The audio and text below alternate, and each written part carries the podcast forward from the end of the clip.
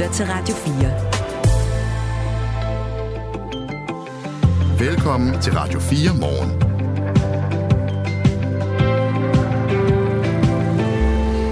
Tal fra giftlinjen viser en eksplosiv vækst i antallet af henvendelser om det, der hedder drugging, altså det der med, at man bliver forgiftet mod sin vilje, oftest når man er i byen.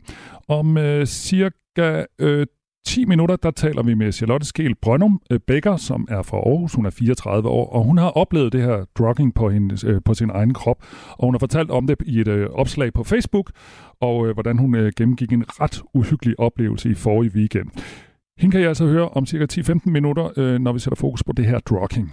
Vi skal også undersøge, hvordan det øh, lykkes en musikfestival at øh, måske sælge alle partubilletter på øh, få timer, når kun et navn er blevet øh, sat på plakaten forløbig.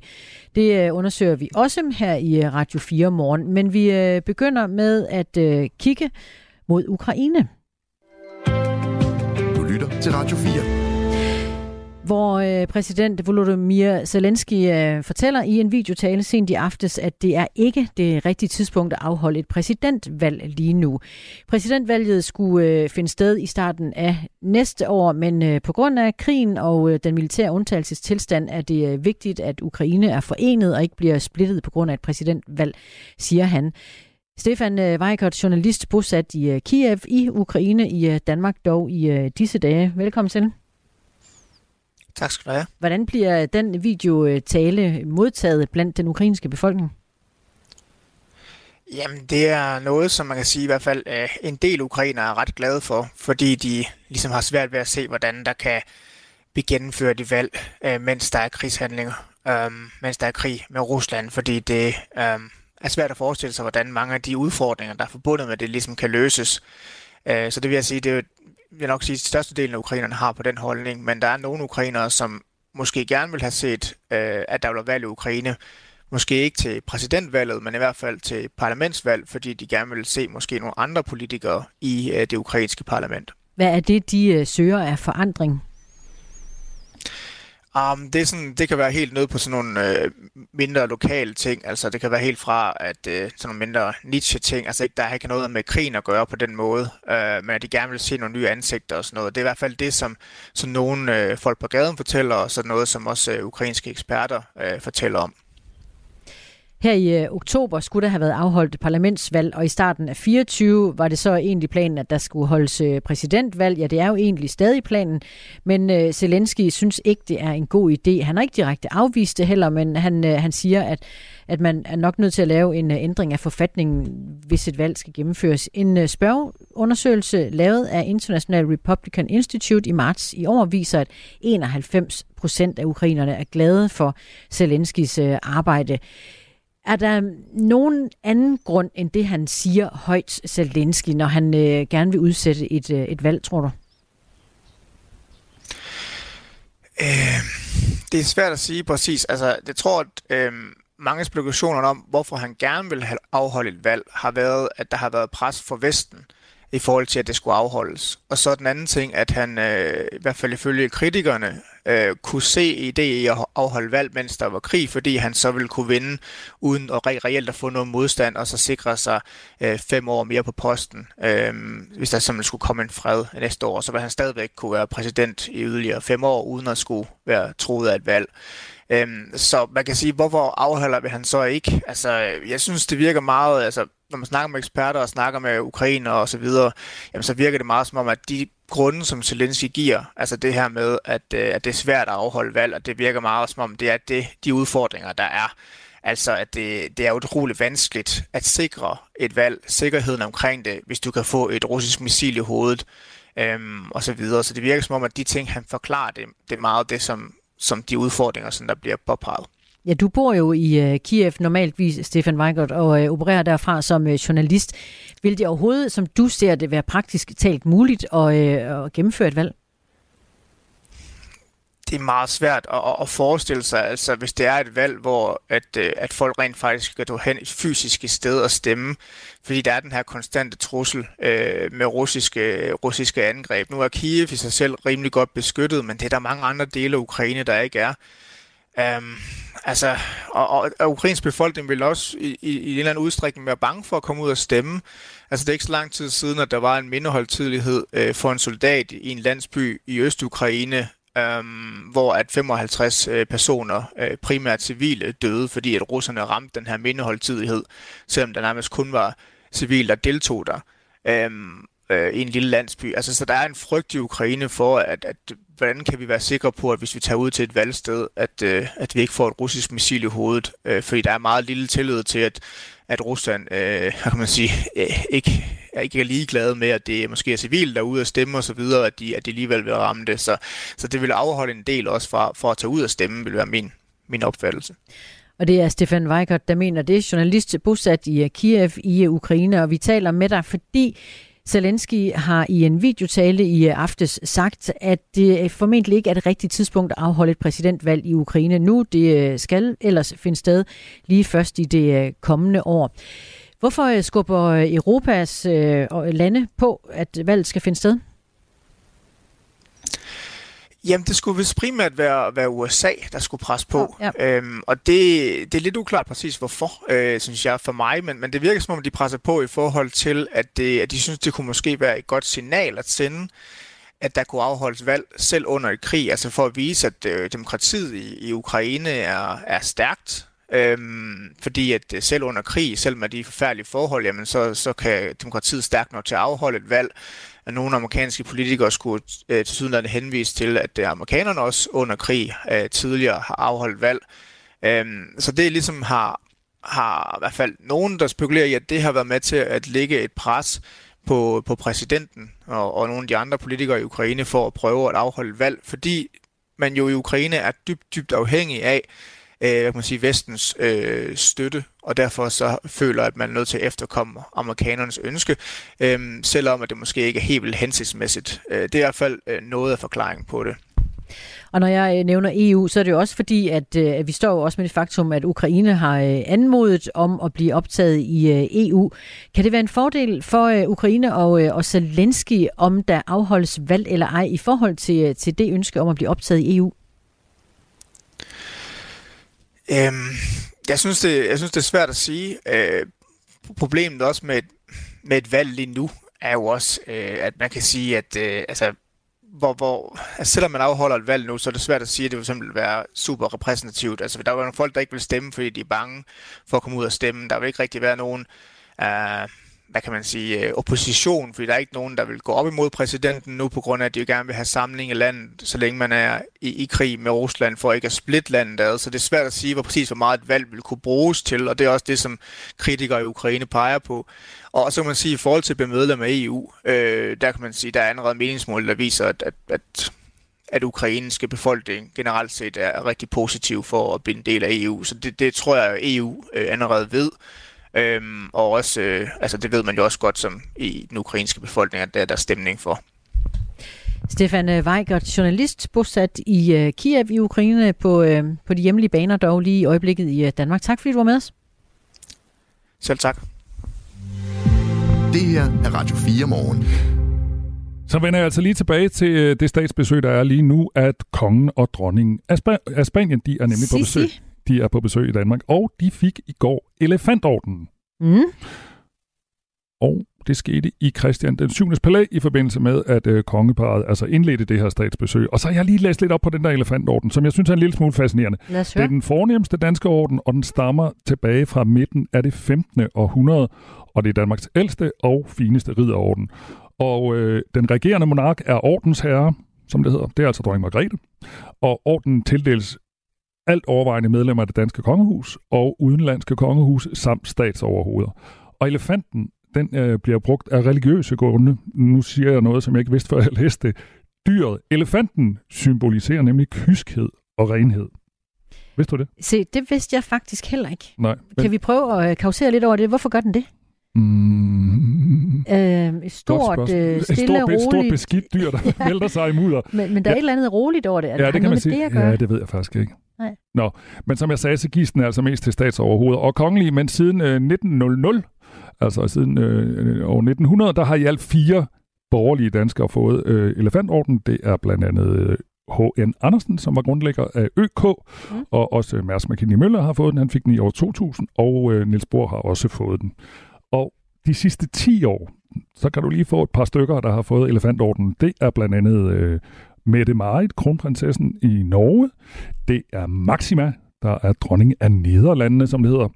Øh, Mathilde, der er Belgiernes dronning, og øh, Emmanuel Macron har faktisk også fået den. Og senest, der har prins, Christi, prins Christian øh, fået den, altså... I fødselsdagsgaven, ja, det lige præcis, ja, lige præcis deromkring, hvor han blev 18 år.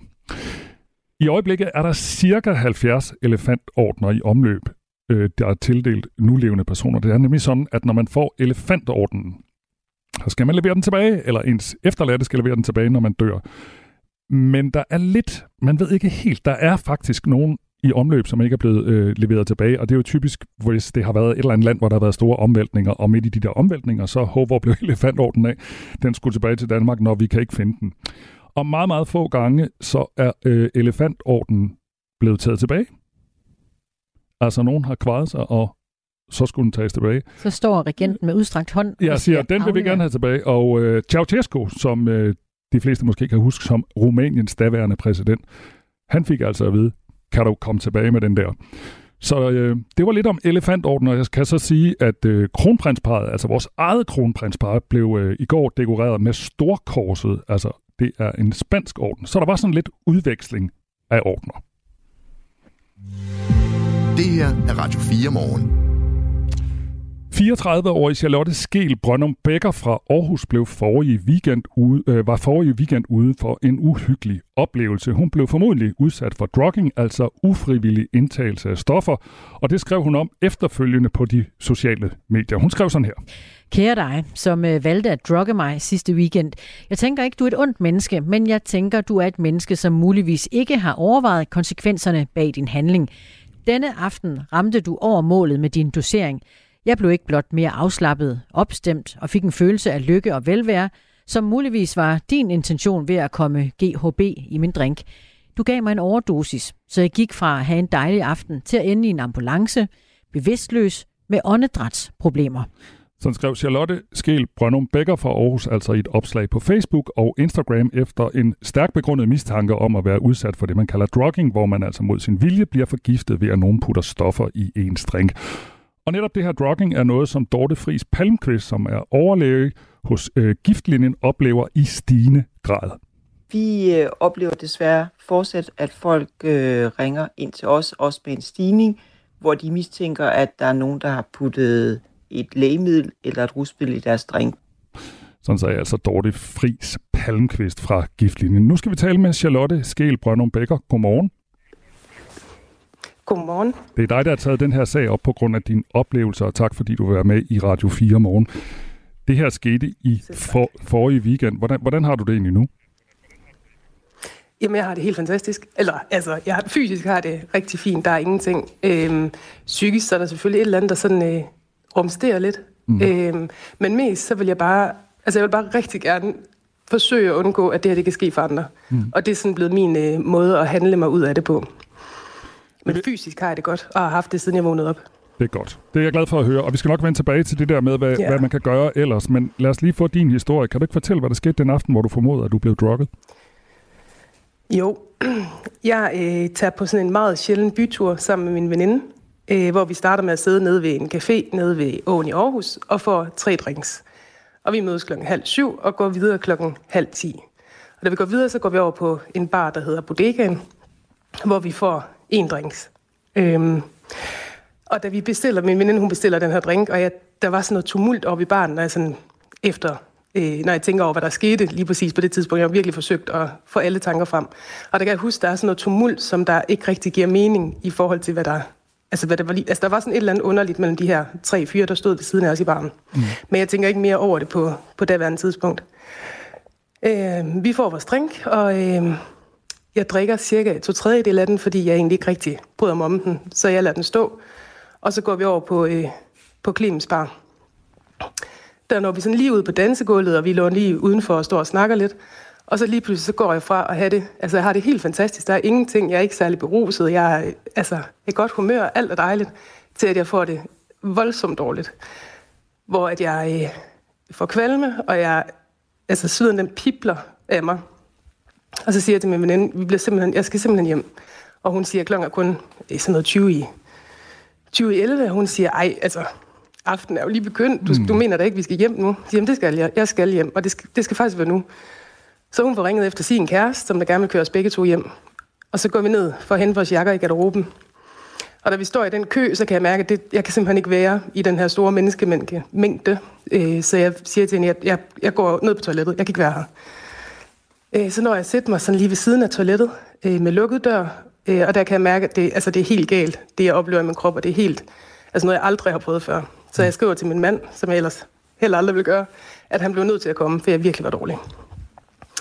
Øh, så rejser jeg mig op og går ud fra den her toiletbås, når sådan lige at se vandhanerne, og så vender jeg mig rundt, og så ser jeg min venindens ansigt, og så bliver alt bare sort derfra. Og så kan jeg jo ikke huske mere, så resten det er en fortælling, jeg har fået fra min veninde og fra de dørmænd, der var inde på, på Clemens Bar. Mm. Øh, og hun fortæller, at jeg falder om og er fuldstændig ukontaktbar. Hun øh, kører sådan sin hånd op og ned af mit brystben, og hun forsøger at, at klappe mig på kinderne og råber mig ind i hovedet, og kan slet ikke få øh, kontakt til mig. Så får hun kaldt efter nogle dørmænd, hvor de er tre dørmænd til at, øh, øh, til at hjælpe mig. De får mig sådan trykket ud i deres baglokale, og de får mig også trykket ud på en bagtrappe, fordi de mener, at jeg skal have noget, noget luft. Min veninde var meget bekymret for, hun kunne høre, at jeg ikke rigtig kunne trække vejret. Øh, så jeg gik fra sådan at hive efter vejret til lige pludselig nærmest ikke at trække vejret. Så derfor ville hun gerne have mig udenfor, så jeg kunne få mest muligt ild. Øh, og der ringer de så efter en ambulance, som der kommer. Ja, de ringer efter ambulancen, og der er min mand jo på vej ind, og min veninde skriver til ham, at der ringede efter en ambulance, og han skal komme. Øh, og han når ind før ambulancen, og bliver enormt bekymret, da han ser mig, fordi han havde egentlig bare tænkt, at han skulle ind til mig, der havde det sådan lidt dårligt. Man kan godt se, at da han så kommer ind til mig, og han øh, slet ikke kan få kontakt med mig, at den er helt gal. Mm. Og at jeg altså aldrig har oplevet, han har aldrig oplevet mig sådan, og jeg har heller ikke, altså, det er langt over, hvad jeg nogensinde har oplevet. Mm. Så kommer du på... Øhm, så kommer du på ambulancefolken. Ja, ja, værsgo. Ja. Øh, så øh, min mand han vælger at løfte mig op alle de her trapper, der er fra, fra Clemens Bar, op i ambulancen, øh, og sætter mig ind i ambulancen. Han, han siger, han forsøger lige sådan at stille mig foran ambulancen, for at se, hvad der sker, hvis han stiller mig på mine ben, og det siger han, det kan jeg overhovedet ikke. Altså så bukker min ben bare helt under mig. Øh, og så kommer jeg ind i ambulancen, hvor jeg kaster op, øh, og så kører de mod Skyby sygehus. Og på vejen derind, der begynder jeg at vågne lige så stille op. Og da jeg så kommer ind på Skyby sygehus, så går der cirka 10 minutter, så er jeg helt vågen. Og selvfølgelig sådan lidt omtoget, men er frisk i mit hoved og kan, altså, er helt relevant, og der er ingenting. Hmm. Ja. Ja, tak fordi, tak fordi du... det godt siden. Nå, det er godt. Og tak fordi du vil dele øh, din ja. historie med os, Charlotte. Øh, og til nye lyttere, så kan vi sige, mm. at vi fortæller om en øh, episode, du har været udsat for i forrige weekend, hvor du er sikker på, at du er blevet udsat for drugging. Og jeg har sagt det et par gange, at vi formoder, at du er blevet udsat, og det er fordi, du øh, stadig afventer svar mm-hmm. fra politiet på din blodprøve. Men din egen teori, den går mm-hmm. ud på, at du blev drugget med det middel, der hedder GHB, som også er kendt som flydende ecstasy. Hvorfor er du så overbevist om det? Øh, det er flydende fantasy, jeg er ret sikker på. Åh oh, ja, undskyld. Ja. Øh, ja, jeg tror, der er lidt, lidt forskel på, hvordan man jeg tror, du er ret. reagerer på de to. Ikke? ja. øh, men øh, øh, når jeg beskriver mine øh, symptomer og mine, øh, det, der skete for mig, så er det, som øh, fagfolk siger, det er, at det lyder rigtig meget som GHB. Mm. Øh, og det min egen læge også siger, at hun synes også, det lyder som det, og det som, øh, hvad hedder det, øh, min mand han har en bekendt, som der har tidligere stofmisbrug, og da han beskrev for ham dagen efter situationen, så sagde han med det samme, Nå, men det er GHB, det er der slet ingen tvivl om. Øhm, så derfor så er det, at jeg tænker, at det er selvfølgelig det. Og fordi GHB det er sådan et meget flygtigt stof, så det er også svært at spore, og det er et stof, der er enormt nemt at få fat i. Mm. Har du nogen ja. idé om, hvem der har puttet noget i din drink? Ja, det har jeg. Jeg har en uh, mistanke, sådan en meget stærk mistanke. Uh, og jeg afventer, at politiet de indhenter overvågning. Uh, fordi det er en drink, vi får. Jeg ved præcis, hvilket tidsrum, og jeg kan huske altså alt, hvad der sker. Og egentlig så, øh, så tror jeg ikke, det var myndet til mig. Jeg tror faktisk, det var myndet til min veninde. Fordi at øh, ham her, jeg mistænker, han synes, min veninde var enormt sød. Mm. Og var sådan lidt upassende over for hende. Mm. Er, det, ja. er det noget, du har været... Så vi, jeg har sådan en helt klar mistanke. Ja. Er det noget, du har været opmærksom på før? Altså, jeg ved, øh, unge kvinder mm, sådan, har jo sådan noget med at putte hånden hen over drinken, eller du ved, holde meget øje med deres drink og sådan noget. Er det, er det noget, du har sådan været opmærksom på? Men det er jo noget, altså det er noget man altid har fået at vide øh, igennem hele sin ungdom. Så det er jo selvfølgelig noget, jeg har været opmærksom på, men aldrig, jeg kunne aldrig finde på at drikke noget af en drink, jeg har forladt. Øh, I det her tilfælde, så bliver de serveret på barn, og jeg ser, at de står på barn. Og så sker der jo det her tumult, hvor jeg bliver opmærksom på et eller andet underligt, der sker bag mig, og så får jeg min drink. Øh, men jeg har jo aldrig, jeg har altid, det ved alle jo, man skal holde øje med sin drink. Mm. Men jeg tror, der hvor at jeg synes, det bliver rigtig skræmmende, det er det her med, at det går så vanvittigt stærkt fra, at jeg har det rigtig godt, til at jeg ligger nede på gulvet. Og der, hvor jeg vil ønske, at alle unge mennesker, de selvfølgelig holder øje med deres drinks, men at de i lige så høj grad holder øje med deres veninder og deres venner. Og man altid, hvis der sker noget for ændring, reagerer på det. Mm. Både, overfor en, altså både at man selv reagerer, men også at ens veninder, de reagerer på det. Mm. Du startede med at sige, Charlotte, efter du havde sagt, at du havde det sådan okay fysisk igen, at du synes, det var vigtigt at sætte fokus øh, på det her. Hvad mener du, man skal gøre øh, for at sætte yderligere fokus på det her? Altså nu har der jo været en øh, TV2-dokumentar, hvor der heldigvis kom noget fokus på det. Og det synes jeg var rigtig fint. Men jeg synes stadigvæk, nu så har de ændret øh, proceduren op i, øh, i Nordjylland for, hvordan de håndterer det, når kvinder kommer ind med mistanke om drugging. Øh, jeg vil sådan ønske, at når man kommer ind fra... Øh, øh, med de symptomer, jeg kom ind med på Skype sygehus, hvor de, øh, de målte også min promille til at være under 0,8, så de kan også se, at jeg var ikke beruset, jeg var ikke fuld. Øh, at man så der sætter gang i hele det her testforløb, får taget blodprøver ud og får taget urinprøver ud. Det gør man jo ikke lige nu. Lige nu får man øh, screenet sin urinprøve for 8 drugs, og hvis den ikke viser noget, jamen, så gør de ikke andet end at sørge for, at patienten har det godt. Altså, de har et behandlingsmæssigt fokus. Hvorimod det er politiet, der ligesom er på den øh, opklarende, og øh, øh, det er dem, der sørger for, at der bliver rekvireret de her blodprøver. Og det har de jo også gjort for mig. De har bare gjort det syv dage efter. Og det er jo alt for sent, mm. hvis man gerne vil opdage de her stoffer. Så jeg vil ønske, at øh, der fra sygehusets side blev taget fra til de her blodprøver. Det gør, at de ikke så skal rekvirere dem, men at, den, at man opbevarer blodprøverne i 30 dage, så man har blod fra den aften, hvor det er sket, og man dermed bedre kan lave en, øh, en politianmeldelse og sikre sig, hvad der er sket, sikre de her beviser. Så det er din opfordring? Ja. Altså, at der bliver en mere rutinemæssig øh, øh blodprøver til folk, der kommer ind med symptomer, som du havde den aften? Ja, helt sikkert. Også så man kan se, hvor stort et problem det her det muligvis er. Jeg har fået utrolig mange fortællinger fra, fra andre mennesker, som der har været udsat for det samme, og hvor de oplever sådan en følelse af, af skam og skyld og ikke tør at melde til politiet, for der sker jo alligevel ikke noget, når man gør det, for de har jo ikke nogen beviser, men de er helt sikre på, at der er sket noget med deres krop, fordi det har været fuldstændig anderledes end noget andet, de har oplevet. Mm. Og så er min helt klare opfordring også det her med, at man, altså man, hvis jeg nu havde været i byen med en gruppe af venner, og jeg stod med min jakke på, så var jeg begyndt at gå hjem, da jeg fik det dårligt. Og det er på trods af, at jeg er 34 år og rimelig fornuftig. Øh, og det er kun fordi, jeg er i byen med min ene veninde, som jeg selvfølgelig aldrig kunne finde på at gå fra i byen. Men hvis jeg nu havde valgt at gå, begynde at gå hjem, da jeg fik det dårligt, så var jeg jo faldet om på gaden. Og så kunne der jo være sket det, som måske var intentionen med at putte noget i min drink. Så din opfordring er også, hvis nogen lige pludselig lidt ud af det blå får det virkelig mærkeligt, så skal der altså være en, der følger med, eller en, der ligesom siger, yeah. jeg er lige på Charlotte eller en anden nu her, fordi det her ser yeah. godt nok mærkeligt ud. Altid, ja. Man skal virkelig passe på hinanden og at det kan ske for alle. Altså jeg, jeg synes egentlig, jeg er et ret fornuftigt menneske. Mm. Så når det sker for mig, så tænker jeg, at det, altså, så kan det virkelig ske for alle. Ja. Og gå meget sjældent i byen. Og, ja. Charlotte, øh, du har fået en sms fra Lena fra Aarhus. Hun skriver, jeg er lige blevet meget rørt over at høre Charlottes historie om drugging. God bedring og alt det bedste for dig. Fremover skriver altså Lena til dig fra Aarhus. Tak fordi du var med, Charlotte. Tak. Tak, selv tak, og tak fordi I sætter fokus på det. Jo, tak, og god bedring med det hele. Jo, tak. Det her er Radio 4 morgen. Og det er en øh, tirsdag morgen, hvor vi kommer til øh, lige om øh, fem minutters tid at øh, kigge mod øh, Smukfest. Det er en musikfestival, der finder sted hvert år i august i øh, Skanderborg.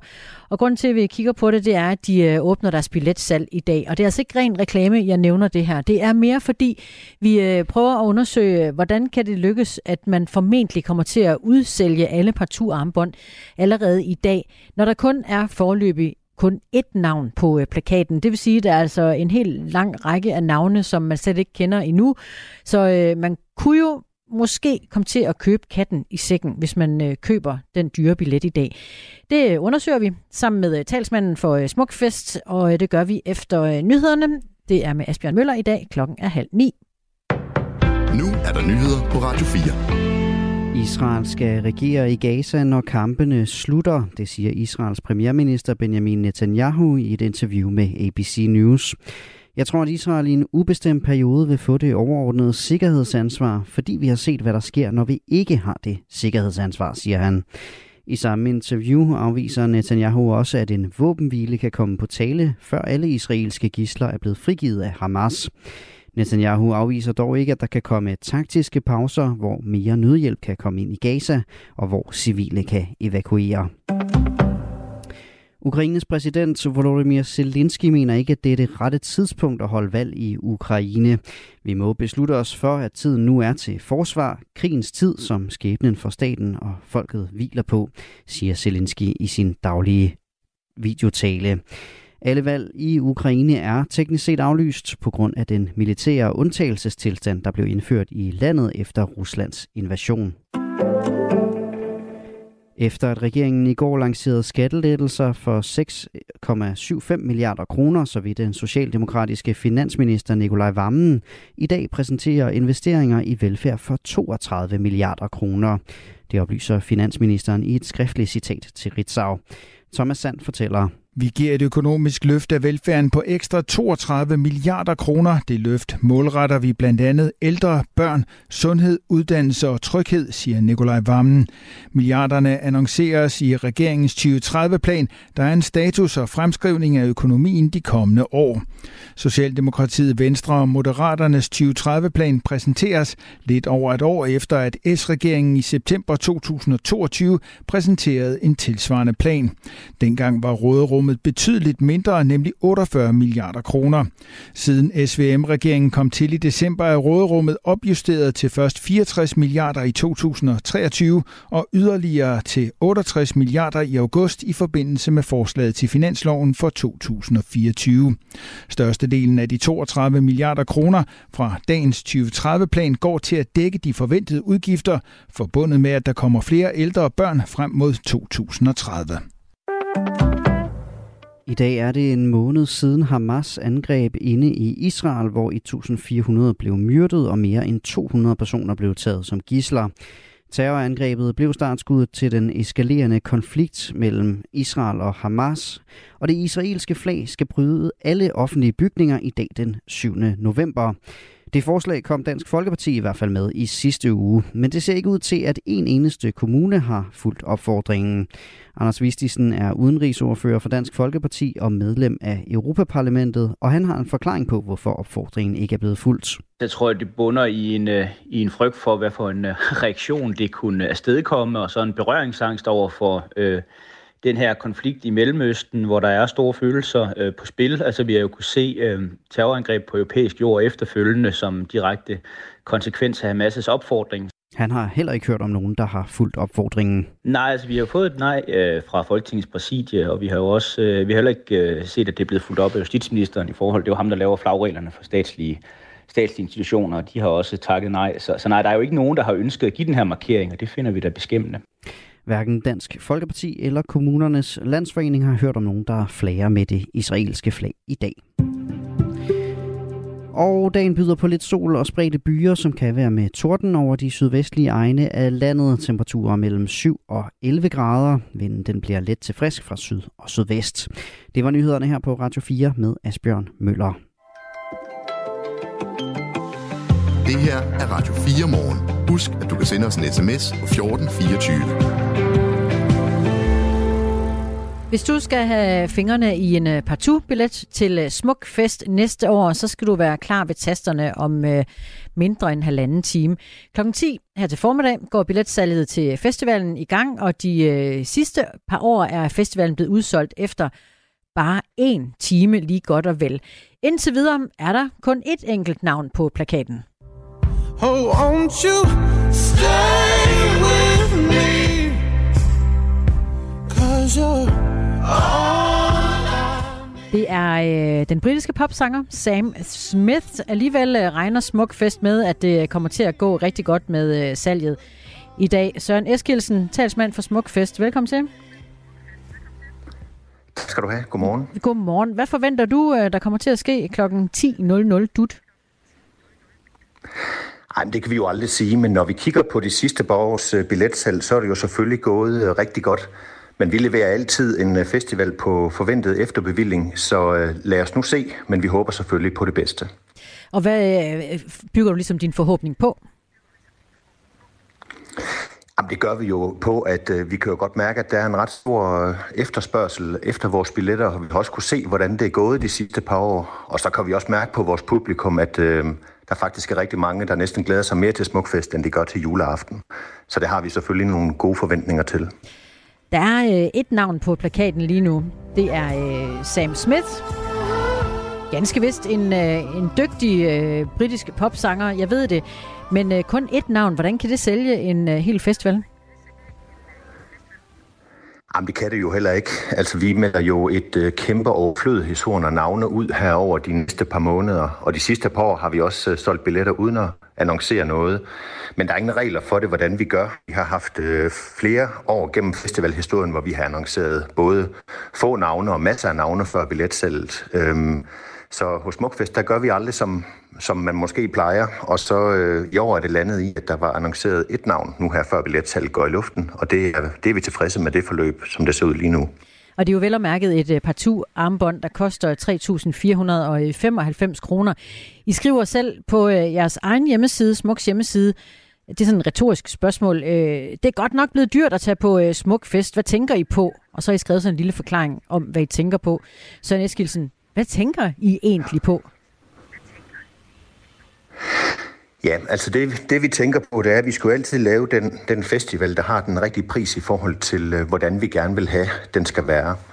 Og vi er ikke en festival, der er sat i verden for at lave profit. Vi er en foreningsbåret festival, der lige skal have penge nok til vores almindelige formål og øh, til at lave en kommende god festival. Og når prisen nu lander i det her, så er det simpelthen fordi, det er det, det koster.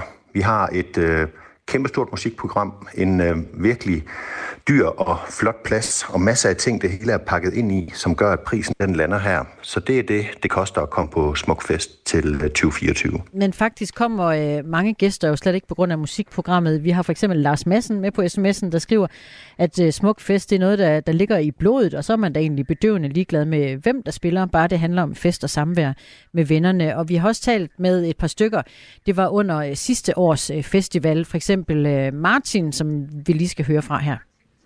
Musikken ikke for mig, altså. Øh, og det skal sakshus med være et ringeprogram, tænker jeg, før vi tænker, ah, okay, det gider vi ikke. Det er altså hyggen og vennerne, og det samme øh, siger også Julie og øh, Karoline. Ja, jeg tror, det er festen og hyggen ved det. Vi er en stor kame fra Nordjyllands Idrætshøjskole. Ja, jeg tror, vi er en 40-60 mennesker faktisk, der gerne vil ligge sammen. Øhm, det lyder lidt som om, det er egentlig mere fællesskabet, end det er musikken. Det er det nok også lidt. Altså nu, øh, jeg tror ikke, vi ville have taget sted uden musikken, men fællesskabet vægter klart højt. Ja. I sådan en sammenhæng, ja. Helt sikkert. Altså, bliver... jeg vil ikke gide at ligge, i telt alene, sådan uden nogen er kendt Nej. Ja. Venner, øh, fest, hygge, fællesskab, Søren Eskilsen, talsmand på øh, Smuk Fest. Hvorfor skal det koste næsten 3.500 kroner? Jamen, altså, det er jo fantastisk at høre de her historier. Det vi skal huske, at hele rammen, der ligesom gør, at øh, det fællesskab, det kan komme frem, det er jo den, vi bygger og laver. Og så er der jo et, øh, et musikprogram, som vi også ved øh, betyder noget. Men det vi også ved, det er jo, at der er også mange, der, der møder op, og så får de den her fantastiske fest og det her fællesskab, og så glemmer de måske også nogle gange at høre det, de egentlig havde bestemt sig for, de gerne vil høre. Men når det så er sagt, så har vi også enormt mange gæster, der kommer for at høre et, øh, et virkelig godt musikprogram. Og det er det, det hele det summer op til i forhold til billetprisen også, og det er det, der er prisen på at lave den festival, vi gerne vil. Jeg kan lige fortælle til, øh, til dig, der lytter med, og som måske ikke ved ret meget om Smukfest, den øh, tidligere Skanderborg Festival i øh, Skanderborg, er kendt for at være en af de festivaler, der bliver udsolgt, udsolgt på kortest tid. Sidste år tog det lige over en time, 74 minutter, helt præcist, før at festivalen, festivalen kunne melde udsolgt på de cirka 30.000 partout armbånd billetter.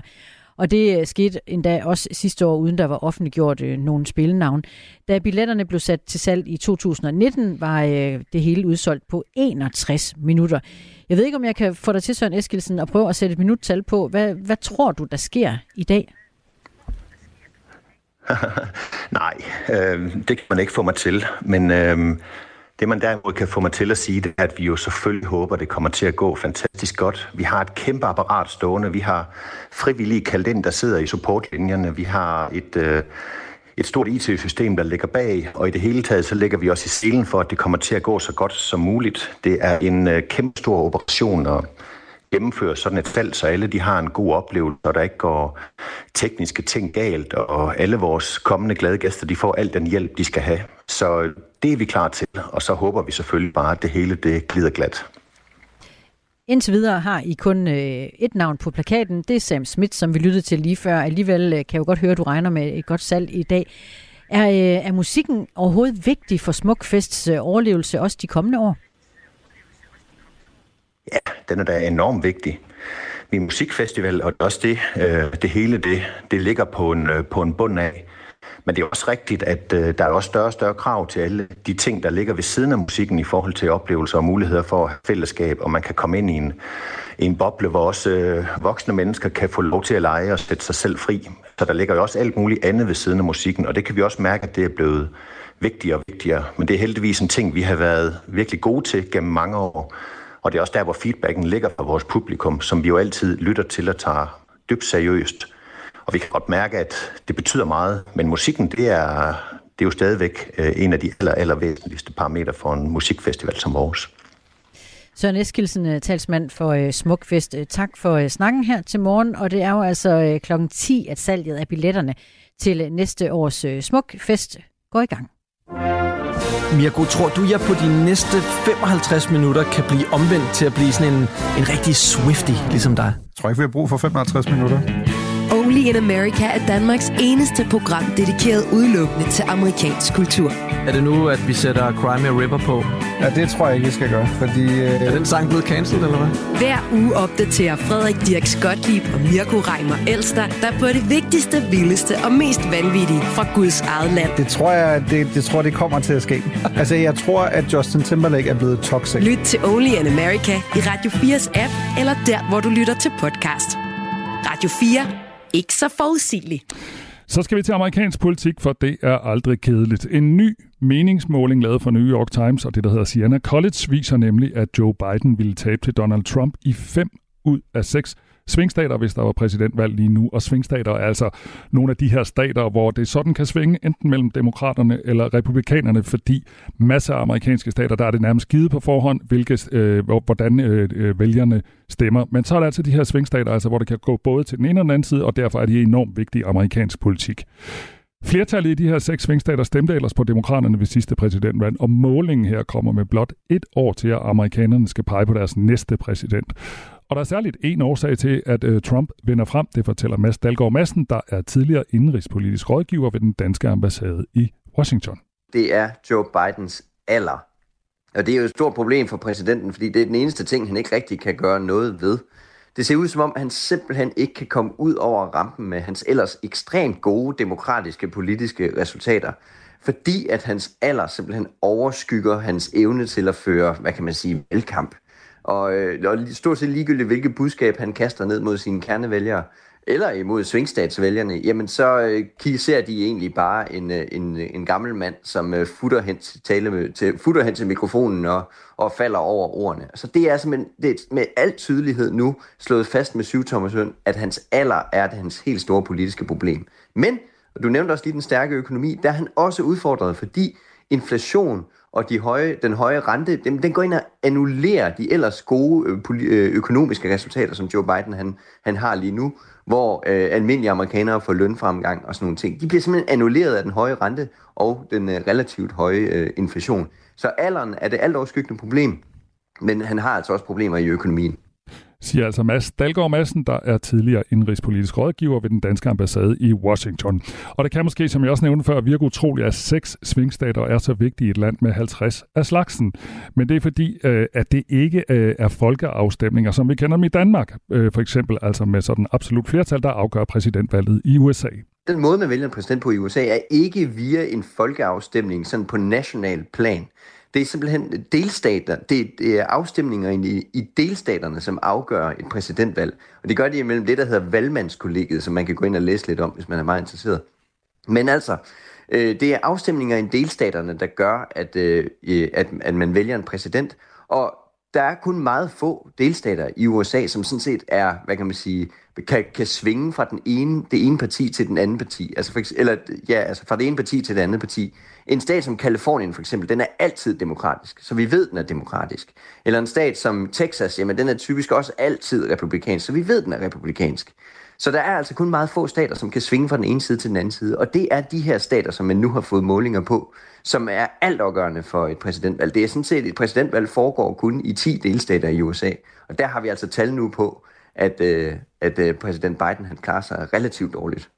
Og Biden har fået prædikatet gammel, hvilket jo sådan objektivt set også er rigtigt, når man har rundet de 80. Men det betyder altså ikke, at det her med, at han er gammel, at der er noget, han ikke kan. Det vurderer Mads Dalgaard Madsen. Han laver også nogle ting, som er falde over ordene. Det har han ført altid gjort. Og han falder over trapper, og han, han, øh, han, han futter sådan på sådan en gammelmands måde hen til talemikrofonen. Alt sammen, fordi han er blevet gammel. Men også alt sammen ting, som hele tiden bliver læst ind i den her brand om, at han er gammel. Så når han selv laver sådan en talefejl, som en hvilken som helst politiker gør, øh, på et eller andet tidspunkt, jamen så bliver det talt ind i det her større narrativ om, at han er gammel, han er måske grænsen til senil, øh, han øh, har ikke de mentale evner til at være præsident. Det er i hvert fald mistanken, når den amerikanske befolkning ser på, på Joe Biden. Og den usikkerhed i sig selv, den, øh, den begynder nu at være så stort et politisk problem for ham, at han næsten kan tabe valget i 2024 på den. Og ifølge Mads Dahlgaard Madsen, så sker der altså noget med amerikanske præsidenter, når de har siddet på posten nogle år. Det er altså et job, der slider hårdt. Hvis du så øh, Barack Obama øh, fra starten i 2008 og så til, altså, til 2016, jamen så er det en helt transformeret mand, og det er fordi, det er et ekstremt hårdt, øh, hårdt arbejde. Og det samme med Joe Biden, jamen han er også, hvad kan man sige, hans alderdom har accelereret sig, fordi at det, hvad kan man sige, præsidentskabet er så hårdt et job, som det er. Og der var det faktisk, at Obamas toprådgiver, David Axelrod, øh, som er en toneangivende politisk kommentator i USA, han var ude i går og sige, at jamen, Joe Biden, han skal til at gøre det op med sig selv, at med det her hårde arbejde, som præsidentskabet er, noget som der tydeligvis øh, gør, øh, anstrenger ham, jamen skal han lige lægge en præsidentkampagne oven i det arbejde. Det, øh, det, det skal han altså gøre op med sig selv, om, om det er noget, han, øh, han rent faktisk vil. Jeg vil dog sige, at Joe Biden, han har været amerikansk toppolitik i årtier, og han er altså vant til det her, han er vant til det her pres, så jeg tror ikke, du får ham selv til at sige, at han kan knække under, han knækker under arbejdspresset, fordi han har været under et lignende pres i, jamen altså siden 70'erne næsten. Sådan lød det fra Mads Dalgaard Madsen, tidligere indrigspolitisk rådgiver ved den danske ambassade i Washington, og altså klog på amerikansk politik. Trump fører over Biden med 10 procentpoint i delstaten Nevada, 6 i Georgia, 5 i Arizona, 5 i Michigan og 4 procentpoint i Pennsylvania. Kun i Wisconsin holder Biden føringen med 2 procent. Det bliver spændende, hvem der vælger det næste øh, amerikanske præsidentvalg. Det er til næste år. Lige nu der er klokken 8.48. Du lytter til Radio 4 morgen. Og fra USA til øh, Rusland, hvor der de øh, seneste uger har været intense rygter om, at Putin er død. Det skriver blandt andre BT om. Og øh, så kan man også kigge ud over de sociale medier. Der står der sågar, hvordan det skulle være sket. Den russiske præsident Putin skulle angiveligt have fået et hjertestop i Kreml. Efterfølgende så skulle der være dækket over det, alt imens en dobbeltgænger eller flere endda har vist offentligheden, at præsidenten stadig lever. Et, øh, et rygte, der bare øh, bliver ved, og øh, som man ikke kan tage livet af. Putins talsmand i Kreml, det er Dmitri Peskov. Han øh, har sågar udtalt sig om rygtet.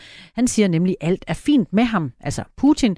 Det her er bare endnu en øh, løgn. En række medier har øh, omtalt rygterne, og, øh, og det er altså ligesom historien her også bliver øh, delt vidt og bredt på de sociale medier. Og gennem en længere årrække, så har der altså også været de her vedholdende rygter om, at den russiske præsident skulle lide af en alvorlig sygdom. Det øh, fik især fart på under øh, coronaen, hvor det blev øh, kommenteret, at han fik det dårligere og dårligere. Og så har der altså været samtidig også rygter om, at han har flere dobbeltgængere, der dukker op i forskellige sammenhænge. Senest har et japansk medie lavet en artikel med baggrund i en række eksperter, hvor de øh, via noget ansigtsgenkendelse på forskellige fotos fremlægger beviser på, at der er flere udgaver af Putin. Det er alt sammen noget, jeg har læst mig til i øh, BT, hvor de også har talt med Flemming Splidsbol Hansen, der er seniorforsker ved Dansk Institut for Internationale Studier. Og han siger altså, at de her rygter har efterhånden fået sit øh, eget liv, men der er altså ikke noget, han ligesom siger og indikerer og bekræfter, at det skulle være tilfældet, at Putin han er død overhovedet. Han henviser øh, dog til et par episoder, hvor man ligesom kan se noget mærkelig opførsel omkring Putin. Senest på besøg på, øh, på Krimhaløen, hvor det er som om, man ser, at Putin har en maske på. Og så refererer han også til en sammenhæng, hvor han i øh, Dagestan har været ude og kramme folk, og det ligner slet ikke Putin at kramme folk overhovedet. Så der er altså noget, der er noget underligt, siger også den, den danske forsker Flemming Splidsbol omkring den situation. Ja, og, øh, og jeg løber jo ikke med rygter, og det gør jeg Radio 4 i særdeleshed ikke, så jeg øh, siger, at der er intet, der er bekræftet i den her sammenhæng. Du lytter til Radio 4. Sidste år, der talte vi rigtig meget om energi, energikrise, og nu nærmer vinteren sig igen, så nu tager vi en tur mere, fordi energikrisen er langt fra over, selvom den ikke er på samme niveau som sidste år. Og derfor skal vi stadig huske at spare på energien, lyder det fra Energistyrelsen. I et skriftligt svar til Radio 4 morgen siger Martin Hansen, der er vicedirektør i Energistyrelsen, sådan her. Vinterens forsyningsscenarie ser mere stabilt ud end sidste år på denne tid. Selvom gaslagerne næsten er fyldte, og vi fortsat ser besparelser på energiforbruget, kan en kold vinter stoppe for import af russisk gas eller et stigende forbrug af naturgas i Asien påvirke forsyningssituationen. Derfor er det væsentligt, at vi både i Danmark og resten af Europa sparer på energien, siger altså Martin Hansen, som er visdirektør i Energistyrelsen. Men sammenlignet med for et år siden, så står vi et meget bedre øh, sted, det siger Anders Overvad. Han er chefanalytiker ved Tænketanken Europa.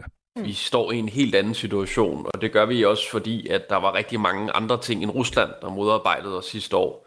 Der havde vi også et problem med, at den øh, franske atomkraftpark øh, var under kraftig renovering og manglede vand i floderne til at nedkøle reaktorerne. Og dertil så har det ikke regnet så meget i Norge, som det plejede, så derfor var der heller ikke den produktion for vandkraft deroppe. Så det var et, et scenarie, hvor næsten alt, der kunne gå galt sidste år, det også gik galt. Og der er vi heldigvis ikke i år. Sidste år og i år har der været meget fokus på, at Europa skal løsrive sig fra at være afhængig af russisk gas. Og selvom det går godt med det, så bruges der stadig meget russisk gas ude i Europa, det siger Anders Overvad, som altså er altså chefanalytiker ved Tænketanken Europa. Altså vi er ikke i mål, øh, så på den måde har man jo ikke lykkedes. Det er stadigvæk omkring 10 procent af det europæiske øh, gas, der kommer fra Rusland. Men øh, givet at det var 40 procent inden krigen, så har det været noget af en kraftanstrengelse, der har, kun, der har gjort sig. Det er kommet til, fordi at vi som forbrugere og industrierne har været rigtig, rigtig gode til at omlægge vores vaner, altså nedbringe forbruget ret kraftigt. Men også fordi man i Europa har været på opkøbsturné ude på verdensmarkederne for at købe alt den flydende gas, der overhovedet var behov for. Energistyrelsen oplyser, at skolerne ikke skal skrue øh, temperaturen ned på 19 grader længere, altså som det gjorde sidste år. Sidste år der hørte vi også om øh, svømmehaller, der skruede varmen ned. Øh, det sker heller ikke i samme omfang som sidste år. Og på Christiansborg, altså hos vores politikere, er der hverken planer om varmechecks eller hjælpepakker, lige nu i hvert fald. Men der er stadig grund til at passe på med at bruge al vores strøm og energi på grund af priserne, siger altså Anders overvejet fra Tænketanken Europa. Jo mere gas vi har i lagerne, jo mere sikre vi er på forsyningssituationen, jo lavere vil gasprisen alt andet lige være. Og der var rigtig, rigtig mange, der fik ondt i økonomien det sidste år, fordi at de prisstigninger, vi stod, var fuldstændig exceptionelle. Så på den måde, der kan vi altså være med til at hjælpe hinanden igennem en, krig, en øh, vinter, hvor priserne forhåbentlig holder sig mest muligt i ro. Sådan sagde Anders Overvad, der er chefanalytiker ved Tænketanken Europa. Og sidste år, der kom der meget fokus i den brede befolkning på at sørge for energi, at sørge for, at der var energi nok til alle. For eksempel lød det sådan her i en energisparekampagne sidste år. For hvis vi alle sparer på energien og bruger strøm, når den er billigst, kan vi tage toppen af regningen og sikre energi nok til alle. Sådan lød det sidste år, og samtidig så oplevede de her el-apps for et år siden meget, meget stor fremgang. Altså flere energispare-apps var blandt de mest downloadede i Apples App Store øh, og var helt på toppen af de her hitlister over gratis apps. Men det ser noget anderledes ud i dag, hvor energispar-apps apps ikke er på toplisterne endnu, og det fortæller Philip Engberg Nielsen, og der har udviklet den app, der hedder Min Strøm. Vi ser øh, selvfølgelig ikke det samme niveau som sidste år, men det er faktisk stigende igen efterhånden, som vi går ind i de koldere og dyre måneder nu. Philip Ingeberg Nielsen har udviklet appen Min Strøm, fordi han selv ville holde øje med sit energiforbrug. Ej, det startede udelukkende som et hobbyprojekt, og, og fordi jeg selv havde brug for indblik i elpriserne, fordi jeg har haft elbil i mange år. Øh, og, og den lagde jeg så i App Store øh, nogle måneder inden energikrisen sidste år. Og da den så ramte, så, så eksploderede det fuldstændig, og det gjorde så, øh, at jeg i stand, var i stand til sammen med min partner at gå fuldtid på det, og vi har arbejdet fuldtid på det siden sidste vinter nu.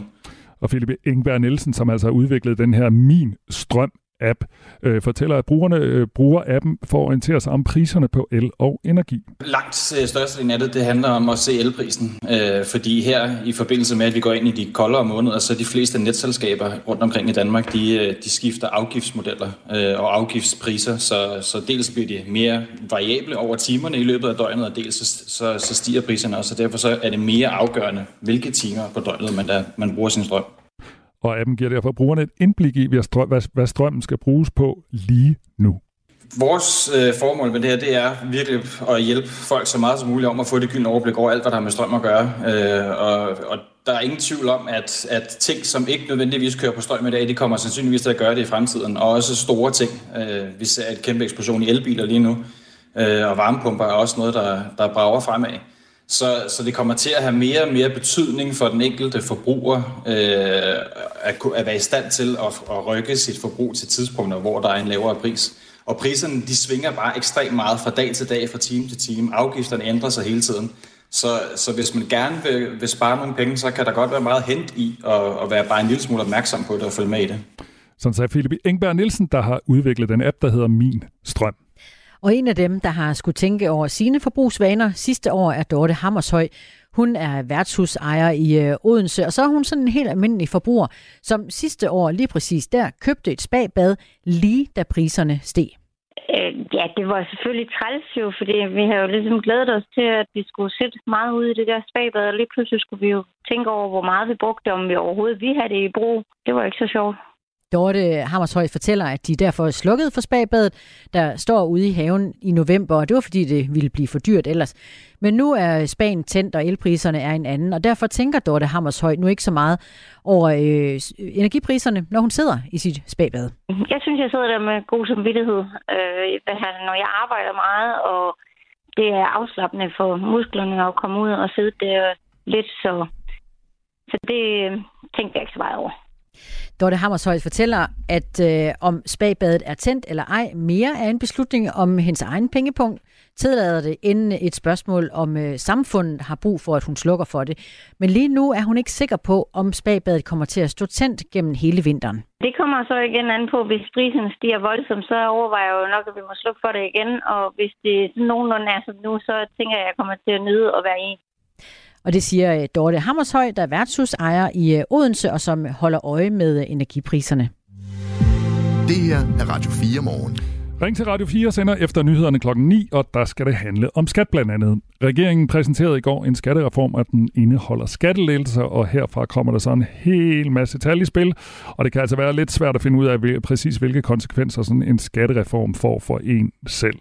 Men de mange forskellige tal, takster og regnemodeller strider faktisk imod det, som skat plejer at være, nemlig det samme for alle. De siger Henning Bøje Hansen, der er chefkonsulent og skatteekspert hos BDO i København, som er et statsautoriseret revisionsselskab. At øh, skattelovgivningen er i sit udgangspunkt et regelsæt, der gælder for alle danskere. Det vil sige, at, at, øh, at øh, de ting, vi kan trække fra, de gælder både for, for store og for små, og, og øh, det gælder også på virksomhedsområdet, at skattereglerne de gælder for alle typer virksomhed, uanset størrelse. Så, så, så udgangspunktet det er sådan set, at, at, øh, at man laver ensartede regler, og, øh, og det har vi også haft tradition for, øh, øh, når det gælder selve skattesatserne. Øh, det, vi har jo i mange år haft, haft regler om den her topskat, Øh, vi har tidligere haft en mellemskat, og nu bliver den så genindført, den her mellemskat, og så supplerer man så med en, med en top-top-skat. Men det er en meget lille gruppe, som, som, øh, som den kommer til at omfatte. Og sådan lød det fra Henning Bøje Hansen, chefkonsulent og skatteekspert hos BDO i København. Og nu har vi fået besøg her i studiet af Ring til Radio 4's vært, øh, Sylvester. Godmorgen. Godmorgen. Tak. Vi skulle lige tændt for dig. Øh, I snakker også om skat i dag. Ja, og vi tager øh, netop fat i spørgsmålet om den her nye skattereform overkomplicerer vores øh, skattesystem. Det er der flere partier, der mener, blandt andet Danmarksdemokraterne, som øh, vi har sat op i en lille debat med en af regeringspartierne, nemlig Venstre om et øjeblik. Altså mellemskat, topskat, top-topskat, bliver det for, for svært at finde rundt i. Og man kan skrive til jer på 1424, og man kan også ringe, ikke også? Det kan man også. Man kan ringe på 72 30 44 44, også på nogle af vores andre emner, som vi jo har på programmet. Lad os bare få et par overskrifter ja, på præcis. det. Jamen, øh, vi skal blandt andet tale om øh, SU'en. Er den for høj for de unge, der stadig bor derhjemme? Der blev jo talt om cafépenge fra den daværende statsminister Lars Løkke for nogle år siden. Og så skal vi også øh, åbne en fysisk bog og øh, tale lidt om, om øh, momsen på dem egentlig bør øh, droppes. Det er en god gammel diskussion. Det er det, og øh, det ser bogbranchen i hvert fald gerne, så, øh, så den debat tager vi senere. Det er godt. Tak for det. Det er Ring til Radio 4 905. Nu er det slut øh, med Radio 4 morgen. Øh, nu skal vi have nyheder klokken 9. Du har lyttet til en podcast fra Radio 4. Find flere episoder i vores app, eller der, hvor du lytter til podcast. Radio 4. Ikke så forudsigeligt.